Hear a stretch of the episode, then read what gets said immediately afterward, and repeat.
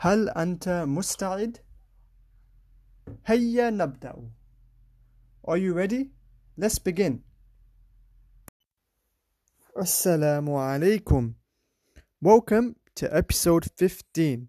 We'll be continuing with Unit 5, Al-Wahdatu Khamis, and Dialogue 2, Al-Hiwaru Al-Thani. So, this conversation is with two women, Al-Mudifa and Al-Musafira. So you will notice the feminine uh, pronouns and the feminine uh, attached pronouns and separate pronouns in this passage. So let's begin. ماذا تطلبين من الطعام؟ بعد السمك والأرز من فضلك وماذا تطلبين من الشراب؟ ماء من فضلك. وماذا تفضلين من الفاكهة؟ التمر أو العنب؟ هل تشربين الشاي لا أفضل قهوة.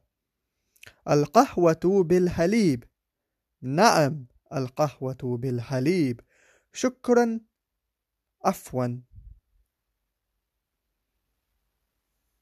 So now we'll go over the translations.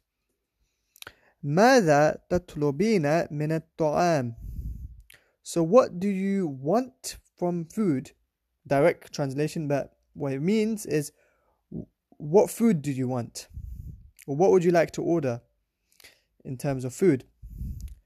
بعد السمك, some fish, والأرز, some rice. So some fish and rice.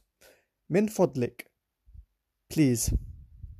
وماذا تطلبين من الشراب and what would you like to drink ماء من فضلك water please وماذا تفضلين من الفاكهة and what will you like of fruit التمر أو العنب so dates and grapes هل تشربين الشاي do you like would you want to drink tea لا أفضل القهوة no I prefer coffee القهوة بالحليب coffee with milk so in, uh, as to propose a question uh, نعم yes القهوة بالحليب coffee with milk شكرا thank you عفوا no worries you could say thank you